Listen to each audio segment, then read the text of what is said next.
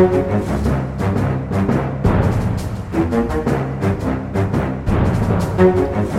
da kjører vi på med en ny episode av Aftenpodden USA. Kristina Pletten på plass i Oslo som vanlig. God dag, god dag. Hvordan går det? Det går veldig bra her i Oslo, bortsett fra at jeg har to illsinte skjærer ute i bakgården som driver og lager sånne lyder som skjærer gjør når de har barn eller fugleunger. Hele dagen og hele kvelden, så er litt ko-ko i hodet av det, men ellers så går det fint. Hvis, så hvis noen har et tips til man, hva man kan gjøre bortsett fra å skyte skjærene, så blir jeg glad for det. Og hvis noen hører fæle skjærelyder i bakgrunnen, så vet de i hvert fall hva det Skjærende er på podkasten. Ja. Kristina, jeg er ikke i Brooklyn i dag, jeg er på plass i Washington DC. Og det er jo da ikke tirsdag denne episoden kommer ut på, det er jo egentlig målet vårt å legge det ut på tirsdager. Nå har vi bommet for andre uke på rad, men noen ganger så bare skjer det ting. Events. Og da får jeg ikke Ja. gjort noe med det. Så jeg fikk jo beskjed Ja, jeg er på farten. Jeg fikk jo beskjed rett og slett for ikke så veldig mange dager siden om at Jens Stoltenberg, Nato-sjef, kommer på vi får si, hastevisitt til eh, Washington DC for å besøke Joe Mm. Biden. Og da måtte jeg da kaste meg rundt og komme meg ned hit fra, fra New York, så det er det jeg har gjort. Men nå er, eh, nå er Jens og crewet hans på vei tilbake til, til Brussel, så da er det tid for å ta en Ja. liten pod. Og det betyr jo at jeg også har vært i Det hvite hus for første gang, Mm. eh, som jo er en stor opplevelse. Man kan ikke si annet. Jeg lurer av og til Det er litt rar opplevelse. det er en rar opplevelse. Jeg føler at jeg er i en filmkulisse. Jeg har jo sett så mye West Wing i mitt liv, f.eks. Eh, og så er det nesten litt sånn rart å være der. Jeg var i dette presserommet, og hun pressetalskvinnen Jen Saki kommer ut, og det føles liksom ja, nesten ikke virkelig. Uh, men veldig, veldig gøyalt, altså. Veldig gøyalt. Og det var første dag med fullt presserom. Så det var tjåka fullt av mennesker Ja. etter over et år med koronanedstengninger og sånn. Og det er jo veldig lite, bitte lite rom, egentlig. Ja, det er helt sykt lite, og helt sykt kummerlig. Altså, jeg skulle gjerne vært eh, White House-korrespondent et år. Jeg ville ikke sagt nei til det. Det er sikkert kjempegøy, og du får dekke presidenten, fly rundt på Air Force One og sånn. Men å sitte i det rommet der hele dagen, og de har sånne mm, dritsmå kontorer bak dette presserommet hvor de sitter trøkket sammen ja, som sild i tønne. Og det er noen sånne kjipe sånne snacksautomater hvor man får tak i, i rett og slett mat hvis man ikke vil gå ut av Det hvite hus. Og så er det en decent kaffemaskin der som jeg hørte at Tom Hanks en gang i tiden kjøpte og donerte til disse stakkars, stakkars journalistene. Men jeg kom meg ikke inn i det ovale kontor da, Kristina. Så jeg har fortsatt liksom et stykke igjen før jeg er sånn ordentlig garva. Hvite hus-farer, sånn som deg. Ja, vi hadde jo en liten uh, passiar i går kveld, eller i går uh, formiddag var det kanskje din tid om hva du skulle gjøre hvis du kom deg inn i det ovale kontor, for da må Ja. man gå gjennom denne her gangen, søylegangen, og så kommer du egentlig inn fra utsiden. Altså du går først ut, og så er du ute i friluft, hadde jeg nær sagt, og så er det en dør på siden av det ovale kontor, og så er du plutselig bare midt inne i det ovale kontor, og der er, står det to sofaer og to stoler foran en peis. Og så samler alle seg liksom rundt de sofaene, og så er det bare å trykke seg frem og, og prøve å rope spørsmål når de her eh, trekker pusten, eller det blir litt stille, da. Og det var litt sånn eh, Det var veldig nervepirrende første gangen, men eh, andre gangen så eh, slengte jeg meg over sofaen omtrent og fikk ropt et spørsmål til eh, Trump, og det var når Jens Stoltenberg var der. og... eh, det er jo en veldig spesiell opplevelse og veldig spennende. Og veldig sånn rar, for dette er litt sånn uorganisert, og du føler at det er veldig høytidelig når du er der med denne peisen, og de sitter i disse to stolene som alle har sett tusen bilder av. Og så da skulle liksom bare plutselig begynne å skrike eh, ut spørsmål. Det virker veldig sånn eh, litt Veldig frekt og litt rart, men, eh, men man må gjøre det. Men hvordan er det i det ovale kontoret? Er det like sånn kummerlig og litt sånn stusslig som i dette pressesenteret, eller er det Ja. litt sånn storflott og, og staselig? Nei. Ingenting i Det hvite hus er liksom staselig. Eh, Det er ganske lite og kummerlig. Det er jo gammelt og lenge siden det ble bygd. Og det er ovale kontor, som sagt, du kommer inn en glassdør rett utenifra, og så er denne her kjente The Resolute Desk, altså pulten står til venstre for deg, og så står sofaen og, pei, og peisen og sånn til høyre. Og det er lite og mye mindre sånn staselig enn du skulle tro da når du har sett Ja. det på film. Ja. Og så er jo hele dette er, Denne delen er jo i den eh, på en måte utstikkeren som går eh, på høyre side når du står foran, da. Vestfløyen. Vestfløyen. Eh, og der, der sitter en sekretær i et sånn veldig rart lite kontor på utsiden. Og så har du den hoveddelen av Det hvite hus, der det er en sånn stor sal, og der Erna Solberg var når hun og Trump holdt pressekonferanse den gangen hun var i Det hvite hus. Så da var, det, da var, de der, og der er det jo litt større og litt mer sånn eh, staselig. Men, det, men det, det, er virkelig utrolig lite og trangt i forhold til ja. det man skulle tro. Det er ikke noe slott, for å si det sånn. Men likevel gøy å ha vært der. Absolutt gøy å ha vært der, så får vi håpe at jeg en dag får komme meg inn i det ovale kontor, jeg også. I dag så tenkte jeg vi skulle snakke litt om USAs forhold til Europa, nå som Stoltenberg har vært her og Biden skal ut på sin første store utenlandstur og en stor europaturné. Eh, vi kan snakke litt om Biden egentlig kommer til å være så europavennlig som som han påstår. Og vi kan snakke litt om, om, Kina, som på en måte overskygger alt, og litt om hva Biden håper å oppnå da, på denne turen sin til Europa. Men først får vi bare gå gjennom hva har skjedd i USA siden vi snakket sammen i forrige uke, Kristine? Ja, eh, disse forhandlingene om infrastrukturpakken til Biden de ruller og går. Biden har gjort faktisk en del ganske store innrømmelser overfor republikanerne, bl.a. når det gjelder selskapsskatt, men de har fortsatt ikke kommet til noen enighet og står ganske langt fra hverandre. Så har visepresident Camilla Harris reist til Mellom-Amerika, nærmere bestemt Guatemala. Hun har jo fått i oppgave å ta for seg grunnene til at folk reiser, migrerer mot den amerikanske grensen, og Harris skal da møte regjeringen der, eh, flere representanter for sivilsamfunnet, og har sagt ikke reis, ikke reis. Så hun uh, har en vanskelig oppgave der hun er. Mm. Så har Facebook bestemt at Trump skal være suspendert fra plattformen i minst to år til, som er en stor skuffelse ja. og et stort tilbakeskritt egentlig for uh, for den tidligere presidenten. Og så kom det nye jobbtall på fredag, og økonomien eh, la til over eh, en halv million nye jobber i mai måned, som var bedre enn april, men fortsatt ganske langt unna det de hadde trodd skulle skje på denne tiden. Så litt sånn, eh, fortsatt litt bekymring for Biden der. Og så siste punkt jeg bare ville ta med, var at Jeff Bezos nå skal reise ut i rommet med sitt eh, romferdsselskap Space eh, Blue Origin, unnskyld. Han skal være den første passasjeren, selvfølgelig. Så han går Elon Musk i næringa her, med sånn mm. space exploration og sånn? Det er tydelig at det er liksom det største statussymbolet man kan ha når man har Alta. Så må man liksom ha sitt eget space company. Ja. Det gir mening. Det gir absolutt mening. Ja, du, I dag som sagt, skal snakke om forholdet mellom USA og Europa og litt hva vi kan forvente oss fremover. Jeg tenker at den storyen egentlig bør starte med å snakke litt om hvor vi kommer fra. Vi kommer jo fra Donald Trump og noen egentlig ekstremt vanskelige år. Eh, det er det ikke til å legge skjul på. Jeg tror man må kunne si at liksom, forholdet mellom Europa og USA var nådde et bunnpunkt til tider med Trump. Vi ser i hvert fall at omdømmet til USA i Europa falt til noen av de laveste nivåene som er blitt målt. Mm. Jeg bodde jo i Brussel da Trump ble valgt, og jeg husker veldig godt da han kalte Brussel for et hellhole, f.eks. Og han beskyldte jo også EU for å ha blitt grunnlagt for å undergrave USA. At det var liksom grunnlaget for at EU ble opprettet. Eh, og han hadde jo også et bedre forhold til en god del autoritære ledere enn ledere i Europa. Det var særlig kjent det forholdet til, til Angela Merkel, og at det var ordentlig surt og dårlig. Emmanuel Macron, president i Frankrike, forsøkte seg på en sånn bromance. De hadde noen sånne militærparader og sånn i Paris. Det fungerte i en periode, men den døde jo også ut, den bromansen. Og Macron fikk ikke mye ut av det. Han ville bl.a. hindre Trump i å trekke USA ut av denne Iran-avtalen om atomnedrustning, og det klarte han jo f.eks. ikke. Nei. Det han klarte, var vel eh, å få Trump til å ville ha en militærparade i ja.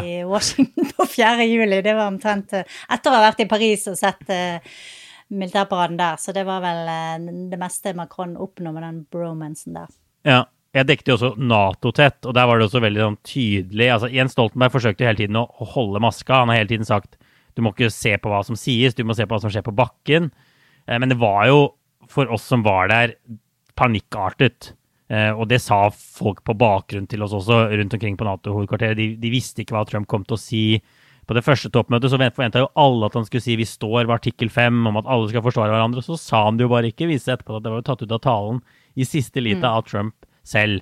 Tidligere nasjonal sikkerhetsrådgiver John Bolton skrev jo om et annet toppmøte hvor det også var et kaos i kulissene, hvor Trump hadde sagt at han ville trekke USA ut, eller i hvert fall gått langt i å si det da, til rådgiverne sine på dette Nato-toppmøtet. Så det var veldig, veldig dramatiske tider. Det var det. Og eh, etter det så sa jo Trump i hver eneste tale han holdt omtrent, at Jens Stoltenberg var hans største fan, og at han bare elsket Trump. Og en gang så spurte jeg faktisk Stoltenberg om hva han syntes om det, da. Og han svarte ikke direkte, men han sa noe sånn lignende som at jeg forholder meg til at eh, Nato og USA har et godt samarbeid, bla, bla, bla, bla. Men eh, det må jo ha vært ubehagelig for Stoltenberg at Trump og så brukte han litt som et slags alibi eh, på ja, den måten, da. Og, og vi har jo, jeg har jo forsøkt, jeg har jo tilbrakt ganske mange timer med, med Stoltenberg da jeg var i, i, i Brussel, i intervjuer og sånn, og forsøkt å få han til å liksom høre hva han egentlig mener om Trump og sånn. Og det, jeg tror det lengste han gikk, var å si sånn de har litt forskjellig stil, han og, og Trump. Eh, men, men, selvfølgelig, han, han, måtte jo holde USA inne i alliansen. Det ville jo vært bare tidenes verste ettermæle hvis det endte med at Trump trakk seg ut. Så han, han gjorde jo det han måtte. Han skrøt jo av Trump for at forsvarsutgiftene i Nato økte og sånn. Ga Trump mye av æren for det, og det elsket jo, elsket jo Donald Trump. Men når vi nå snakker med han nå, så sier han jo det har vært vanskelige år. Det er ikke til å legge skjul på det, men Nato overlevde, og, og det er et sunnhetstegn da, at de tåler ledere som Trump. De tåler uenighet. De, institusjonen har overlevd, sier han. Men Biden da bruker jo masse tid på å tegne kontrast fra sin utenrikspolitikk til Trumps utenrikspolitikk. Det er kanskje et av de områdene der Biden går lengst i å på en måte kritisere eh, forgjengeren sin. Og nå sier han USA er tilbake. Han skal gjenoppbygge det han mener er ødelagte allianser. Da han tok over, så tok de jo et helt nytt grep, hvor den første telefonsamtalen mellom Stoltenberg og Biden ble filmet fra begge sider og lagt mm. ut på nett. Og Det var jo også sånn tydelig sånn signal til verden om at, om at de er tilbake. Og det er jo nesten ingen som har fått slippe inn i Det hvite hus. Det har vært koronastengt. Uh, Jens Stoltenberg er den tredje utenlandske lederen som får komme. Ja. Som jo også er en big deal, som de jo har jobbet knallhardt for å få til i Brussel, og som de er veldig fornøyd med at de fikk til nå. Ja, og det virker som om eh, Biden er veldig opptatt av å berolige og forsikre Europa om at eh, USA er tilbake på, på, på, vår side, for å si det sånn, da. Og bare det at han har valgt å legge den første turen sin til Europa nå, eh, forteller jo noe, sender et veldig viktig signal.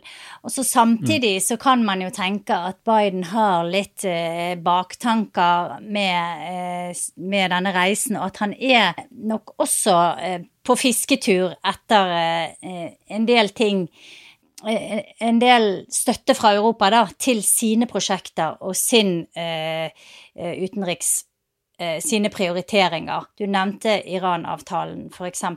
Det blir et viktig prosjekt for Biden, et vanskelig prosjekt for Biden.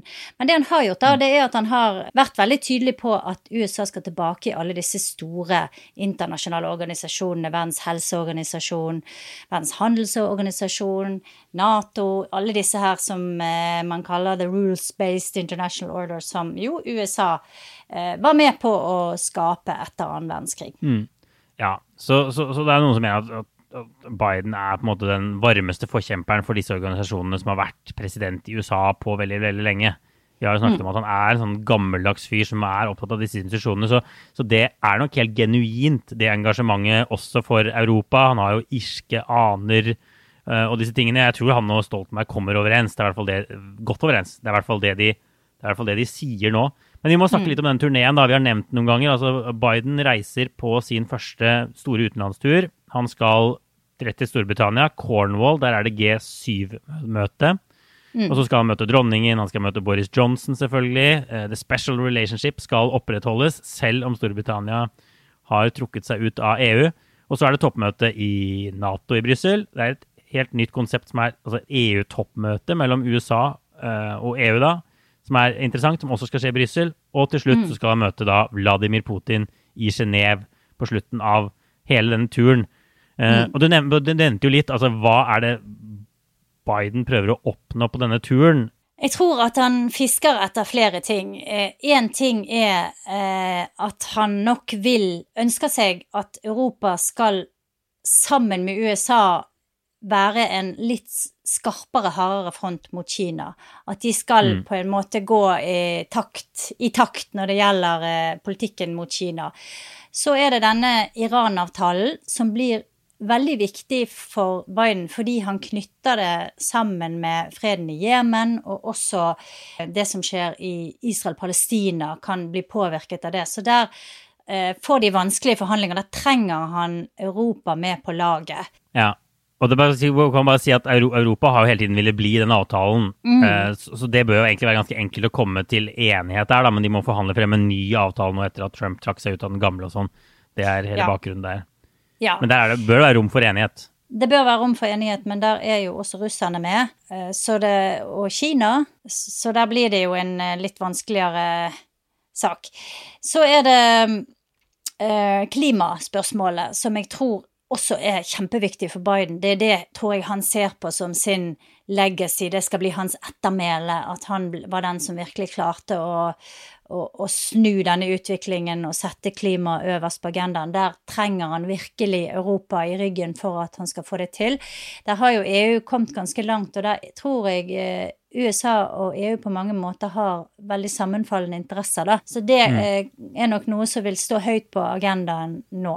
Eh, men det er viktig ja. for Biden for å kunne forankre det hjemme i USA at klima skal være en prioritet, at dette er noe som kan skape arbeidsplasser, dette er noe som på en måte hele den vestlige verden nå jobber i fellesskap mot. Ja. Og så er det siste punktet, som er litt mer sånn tricky og vanskelig, er jo eh, hvordan man skal eh, regulere disse store sosiale mediene, Facebook, Google, Amazon, disse store selskapene. Der har en del europeiske land innført en, en, avgift på digitale tjenester. Det har amerikanerne reagert sterkt på fordi at det rammer amerikanske selskaper eh, i veldig stor grad. Amerikanerne har reagert med en slags straffetoll, og så har man inngått eh, forhandlinger og det begynte med G7 sine finansministre i forrige helg, og det fortsetter jo nå. Og i denne mm. pakken så er det også en sånn minsteskatt for disse selskapene, da, som skal gjelde i alle land som diskuteres. Dette er veldig kompliserte saker, men poenget er at USA og Europa må komme til en enighet der man kan holde disse selskapene litt i ørene. Man kan trekke fordeler med å få mer skatt f.eks. til USA. Men samtidig så må ikke det bli så strengt at det oppleves som om disse selskapene blir straffet, og Biden på en måte gir for mye ved dørene, da. Så dette er en vanskelig mm. balansegang for uh, presidenten. Ja. Men dette er jo en tydelig kontrast til sånn situasjonen var under Trump. det At alle disse mm. sakene i det hele tatt diskuteres. ikke sant? Da var det jo Iran var en alenegang, USA trakk seg ut uten å høre på, på sine allierte. Klima var jo tatt ut av dagsorden totalt. Det var ikke en del av det var jo masse bråk rundt dette på G7 om klima hele tatt skulle nevnes. Det var jo ikke noe snakk om å drive den kampen fremover. Det at man snakker om en global minsteskatt og ser ut til å ha kommet til en eller annen slags enighet om det, er jo også helt nytt. Så det viser jo bare at liksom, det skjer ting med en ny president. Det er ikke bare noe Biden. Han har det ikke bare i kjeften, da. Det er, liksom, det, det er også ting som skjer på bakken, som er veldig interessant. Uh, og så blir nok denne runden vesentlig mer forutsigbar og kanskje til og med litt mer kjedelig for journalister å dekke. Det var jo utrolig uforutsigbart med, med Trump. På et av G7-møtene så var det sånn at de hadde vel blitt enige om en sånn slutterklæring, og så, og så tvitrer vel Trump på flyet etterpå der han ser noe han ikke liker, og så trekker han USA fra slutterklæringen. Det var jo sånne type ting, da. Vi vil ikke få se på den turen her. Ja, og, og så kan du si at ja, det blir nok kjedeligere i den forstand at Biden vil ikke gjøre noe crazy. Men på en måte så er jo det som, som vi snakket om nå, altså som han skal diskutere, er jo kjempestore endringer. F.eks. dette med en global minsteskatt, som kan være et første steg mot å ta vekk den muligheten disse selskapene har til å stue pengene sine vekk i skatteparadiser. Så det er jo et, på en måte første skudd i kampen mot skatteparadiser på en virkelig seriøs måte, da. Det er egentlig veldig spennende og kan bli kan bli, ha utrolig stor betydning. Og det samme med klimapolitikken hans, som er ganske fremoverlent. Sant? Vi kan plutselig se nå at vi får store endringer. Det kan bety masse for Norge eh, mm. hvis det plutselig nå begynner å akselerere i den utviklingen. Så det skjer jo veldig mye med Biden. Det er bare det at det er mye mer saksorientert og mindre eh, personlige obligøyer, på en måte. Ja.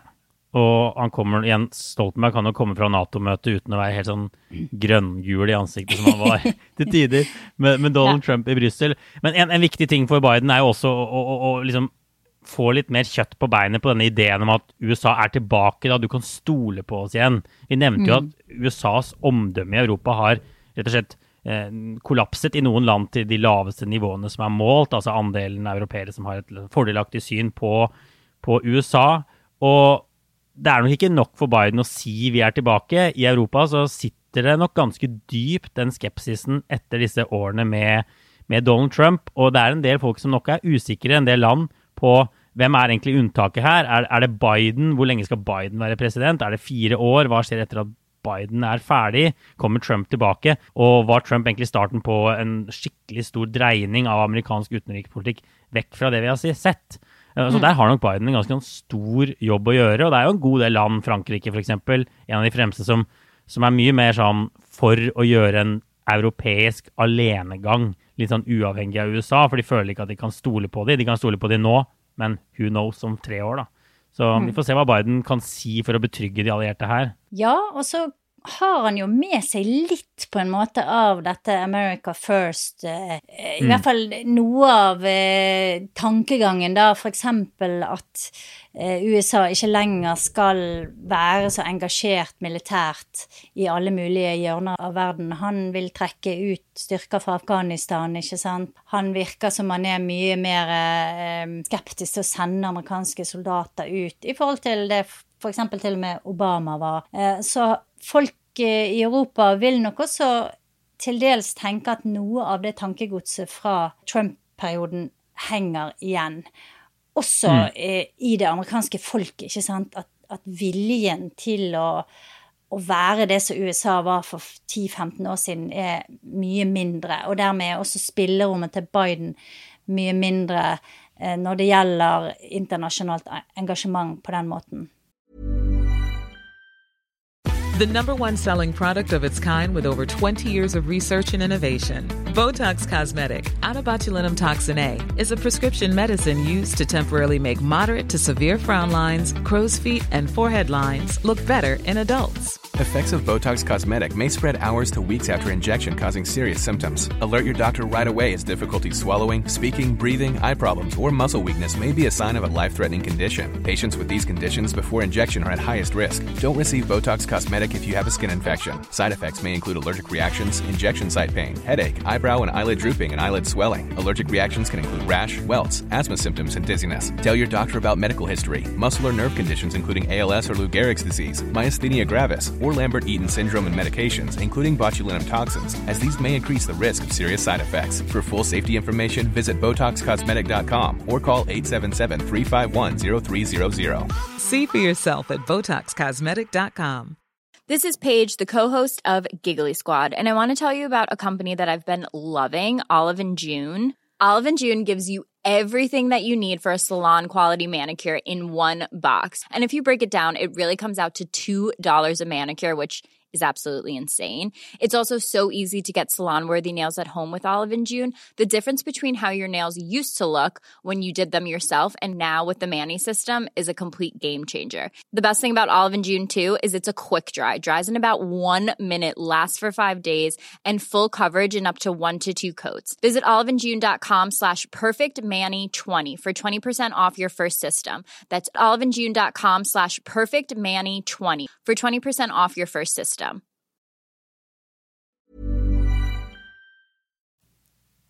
Og så må vi snakke litt om et annet område der Biden og Trump egentlig er, fører en påfallende lik politikk, selv om retorikken er ganske annerledes, og det er jo Kina. Som jo mm. overskygger det aller, aller meste om dagen. Og en ting som bare var helt sånn påfallende når Stoltenberg var her disse dagene, er altså, hvor mye han snakker om Kina også når jeg stiller han spørsmål om noe annet, så kommer han inn på Kina helt uoppfordret. Og jeg dekket han jo som sagt tre år i Brussel, og da var det helt annerledes. Det var veldig vanskelig altså det var fra 2015 til 2018, vanskelig å få han til å snakke om Kina i det hele tatt. Han vred seg unna spørsmålet, og dette erkjenner han også uh, når jeg intervjuet ham. Jeg intervjuet ham tidligere i dag i, i 25 minutter, og han sier jo det har vært en stor, stor endring innad i Nato. Han sier USA har presset på, USA har vært viktig, men han selv har også tatt initiativ til å få Kina opp på agendaen i Nato. Det handler bl.a. om å gjøre liksom, organisasjonen relevant for fremtiden. At de skal ha en rolle da, for fremtidens eh, sikkerhetstrusler. Og han trakk bl.a. frem det han kalte vel en skjellsettende opplevelse av av nobelprisutdelingen, da, da, da Liu Xiaobo fikk nobelprisen og han selv var statsminister, og hvordan land blir hersa med av Kina på den måten. Så helt annen retorikk fra Nato og fra han. Og det kommer også til å prege toppmøtet til uka i Brussel. Kina. Og det er første gang i historien på den måten. Ja, absolutt. Og da Jens Stoltenberg var i Kongressen og holdt tale eh, på 70-årsfeiringen for Nato, så nevnte han ikke Kina en eneste gang. Da snakket han om Russland. Og det var i 2019, det er bare noen år siden. Det var i 2019, eh, så da snakket han om Russland som den største trusselen. Og da, eh, den, den feiringen varte en hel uke, og da var det sånn at amerikanerne helt tydelig pushet på da, for å, å dreie oppmerksomheten over mot Kina. De var veldig opptatt av at det nå var Kina som var eh, en trussel, og det er ikke bare militært, men også når det gjelder cyberangrep, eh, når det gjelder eh, patenter, eh, tyveri av teknologi, ikke sant, og på mange andre måter. Så det har jo Biden videreført, og det tror jeg han er nødt til å gjøre. Fordi at Kina nå er en så stor utfordrer. Men han har jo forsøkt å ha et litt sånn tosidig språk, da på en måte der han snakker om Kina som en konkurrent, en utfordrer, men han snakker så vidt meg bekjent ikke om Kina som en fiende. Og han sier også at de vil samarbeide med Kina der de kan. Så det er jo en, eh, det er en slags eh, balansegang på stram line, dette her for Biden. Ja, men når vi snakker om, om liksom forholdet til Europa og de store utenrikspolitiske temaene, når man ser den daglige utenrikspolitiske debatten, uttalelser og sånn, her i USA så er det jo liksom Kina, Kina, Kina for alle penga. Det er det som står øverst på agendaen. Og jeg ser at det det har kommet noen kritiske røster. Vi så det samme med Barack Obama, som snakker om at, at de egentlig ikke er så interessert i Europa som de en gang var. At der oppmerksomheten er eh, rettet mot, eh, mot Kina. og at det, nå skal jo Biden ut på den turneen sin, han er åpenbart en, en europavenn. Men de har f.eks. ikke utnevnt noen ambassadører til EU og Nato ennå. Det er fortsatt sanksjoner som Trump innførte mellom USA og EU som, som ligger der. Det er ikke opphevet innreiseforbudet i forbindelse med korona. Så det, er, så det er noen som mener at det er Kina som kommer til å oppta det aller, aller meste av, eh, av amerikanernes uh, oppmerksomhet i årene fremover. Da, at Europa må bare tåle å være, spille annen fiolin. Mm. Og vi snakket vel for et par måneder siden om denne nye alliansen. Kanskje ikke helt en allianse, men i hvert fall en slags ny, eh, et nytt samarbeid da, mellom India, eh, Japan, USA og Australia, kalt The Quad.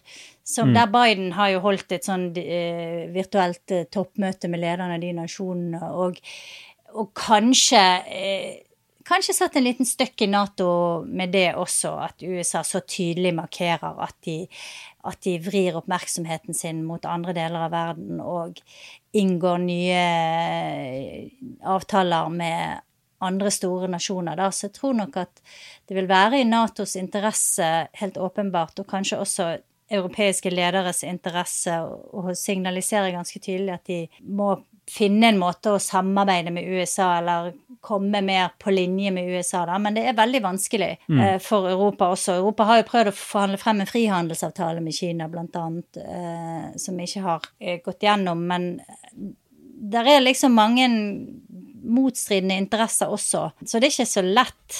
Og det blir nok en, tror jeg, eh, kanskje det, det vanskeligste temaet de skal diskutere nå i den uken som kommer. Ja, jeg tror det, Du snakket om hva Biden er på fisketur etter, og det er jo helt sikkert en bredere oppslutning fra Europa om Kina-politikken til USA. Og, og Kina, Du sier Kina er en skvis. Det er en god del eh, europeiske land som har et mye mer fordelaktig syn på Kina eh, enn en USA har, og de mest kritiske landene har. De ser på Kina primært som en handelspartner som et, et stort mm. marked de kan kjøpe og selge, selge, varer til. Men ja, jeg tror ikke det er noen tvil om at Stoltenberg gjør disse endringene i Nato fordi han ser at om Nato skal forbli relevant for USA, som jo er kritisk for disse tette, at disse tette båndene skal opprettholdes, så, så, må Kina stå på agendaen på et eller annet vis. Og USA må føle at de får litt backing for det som er sin største sak. Og det kommer helt sikkert til å være masse Kinasnakk på, på bakrommet på, på alle disse møtene, møtene også den, i den uka som mm. kommer. Mm. Det blir jo eh, kanskje mulig for USA og EU i hvert fall å, å, finne noen områder, da. Der de kan eh, være ganske sånn tydelige overfor Kina, og så kan de kanskje legge noen andre ting der, det, der de står langt ifra hverandre litt mer på is, sånn at de kan i hvert fall fremstå som, eh, som litt mer enige enn de kanskje egentlig er. Ja, altså Det kommer helt sikkert til å være noe av det viktigste de gjør på disse dagene, er å fremstå som 100% enige. De kommer til å komme ut med sånne kommuniker, uttalelser hvor, hvor, de støtter opp om, om, hverandre. Og så har det skjedd masse diplomati på bakrommet før det. Men det er jo unity som skal være liksom, hovedbudskapet til Biden her. Uh, mm. hele denne uka. Så det er sånn det antageligvis kommer til å se ut utad, hvis PR-apparatet til disse landa fungerer som det skal. Hey, I'm Ryan Reynolds. Recently, I asked Mint Mobile's legal team if big wireless companies are allowed to raise prices due to inflation. They said yes. And then when I asked if raising prices technically violates those onerous two-year contracts, they said, "What the f*** are you talking about? You insane Hollywood ass." So to recap, we're cutting the price of Mint Unlimited from $30 a month to just $15 a month. Give it a try at mintmobile.com slash switch. $45 up front for three months plus taxes and fees. Promoting for new customers for limited time. Unlimited more than 40 gigabytes per month. Slows. Full terms at mintmobile.com. When you're ready to pop the question, the last thing you want to do is second guess the ring. At BlueNile.com, you can design a one-of-a-kind ring with the ease and convenience of shopping online. Choose your diamond and setting. When you find the one, you'll get it delivered right to your door. Go to Bluenile.com and use promo code LISTEN to get $50 off your purchase of $500 or more. That's code LISTEN at Bluenile.com for $50 off your purchase. Bluenile.com code LISTEN. Bra. Jeg tror vi setter strek der, Kristina, men vi må jo ha en liten runde med obligatorisk refleksjon helt til slutt. Jeg kan gå først i dag, for jeg har en ganske mm. kort en. For jeg har ikke fått reflektert så mye den siste uka. Jeg har egentlig produsert utrolig mye og tenkt veldig lite, så nå er det på tide å gå i tenkemodus. Men jeg har hørt et par episoder av, eh, av podkasten til Ezra Klein. Ezra Klein Show, grunnleggeren av Vox, som gjorde overgang til New York Times eh, tidligere. Mye interessante gjester og, og gode temaer, temaer der. Han hadde bl.a. besøk av Barack Obama. Eh, for et par episoder siden, hvor de gikk litt mer dypt ned i det der enorme skiftet som amerikanerne klarte å gjøre fra å velge den første svarte presidenten i historien to ganger, til så å gå til Donald Trump. Um, Obama snakker ganske sånn åpent om hvilke feil de gjorde, om sin relativt moderate stil.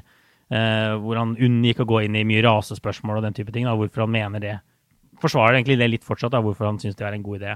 Uh, så verdt å høre på den podkasten der. Hva har du tenkt på? Du, jeg har tenkt mye på penger. Eh, jeg holder på å skrive eh, en kommentar om hvordan arbeidslivet og folks eh, innstilling til å komme tilbake på jobb har endret seg. Det veldig mange land har problemer med å fylle ledige stillinger fordi at Og en av grunnene tror de er at folk har på en måte fått en, eh, en, en, annen innstilling da, at de ikke er villige til å lenger kanskje jobbe kjempelenge hver dag og, og i harde jobber for veldig liten lønn og sånn.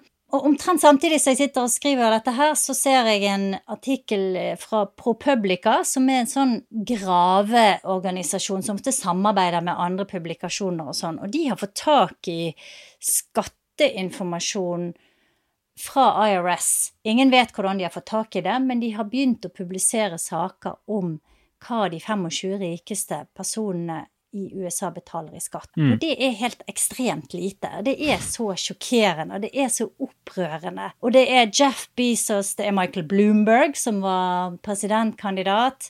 Det er um, Carl Icahn, en stor investor som var Eh, som var Trump-tilhenger. Det er Elon Musk blant de navnene. Warren Buffett. Warren Buffett som da faktisk sier at de rike bør betale mer skatt, han har liksom betalt en effektiv eh, skatterate på 0,1% Altså det er helt hmm. Det er helt ekstremt. Og det de skriver, er jo veldig interessant, fordi at det, det handler jo om at disse her rike folkene tar jo ikke ut lønn i det hele tatt. Men de tar heller ikke ut utbytte, veldig mange av de fra selskapene. For du har lønn da som må betales eh, som, som, skattes opp til 37% i USA. Og så mm. har du eh, utbytte, som er f.eks. hvis du selger aksjer, eller hvis du får utbytte fra, eh, fra, et selskap du eier aksjer i, så betaler du en lavere skatterate. Men det de gjør, skriver på Publica, det er at de rett og slett tar opp lån.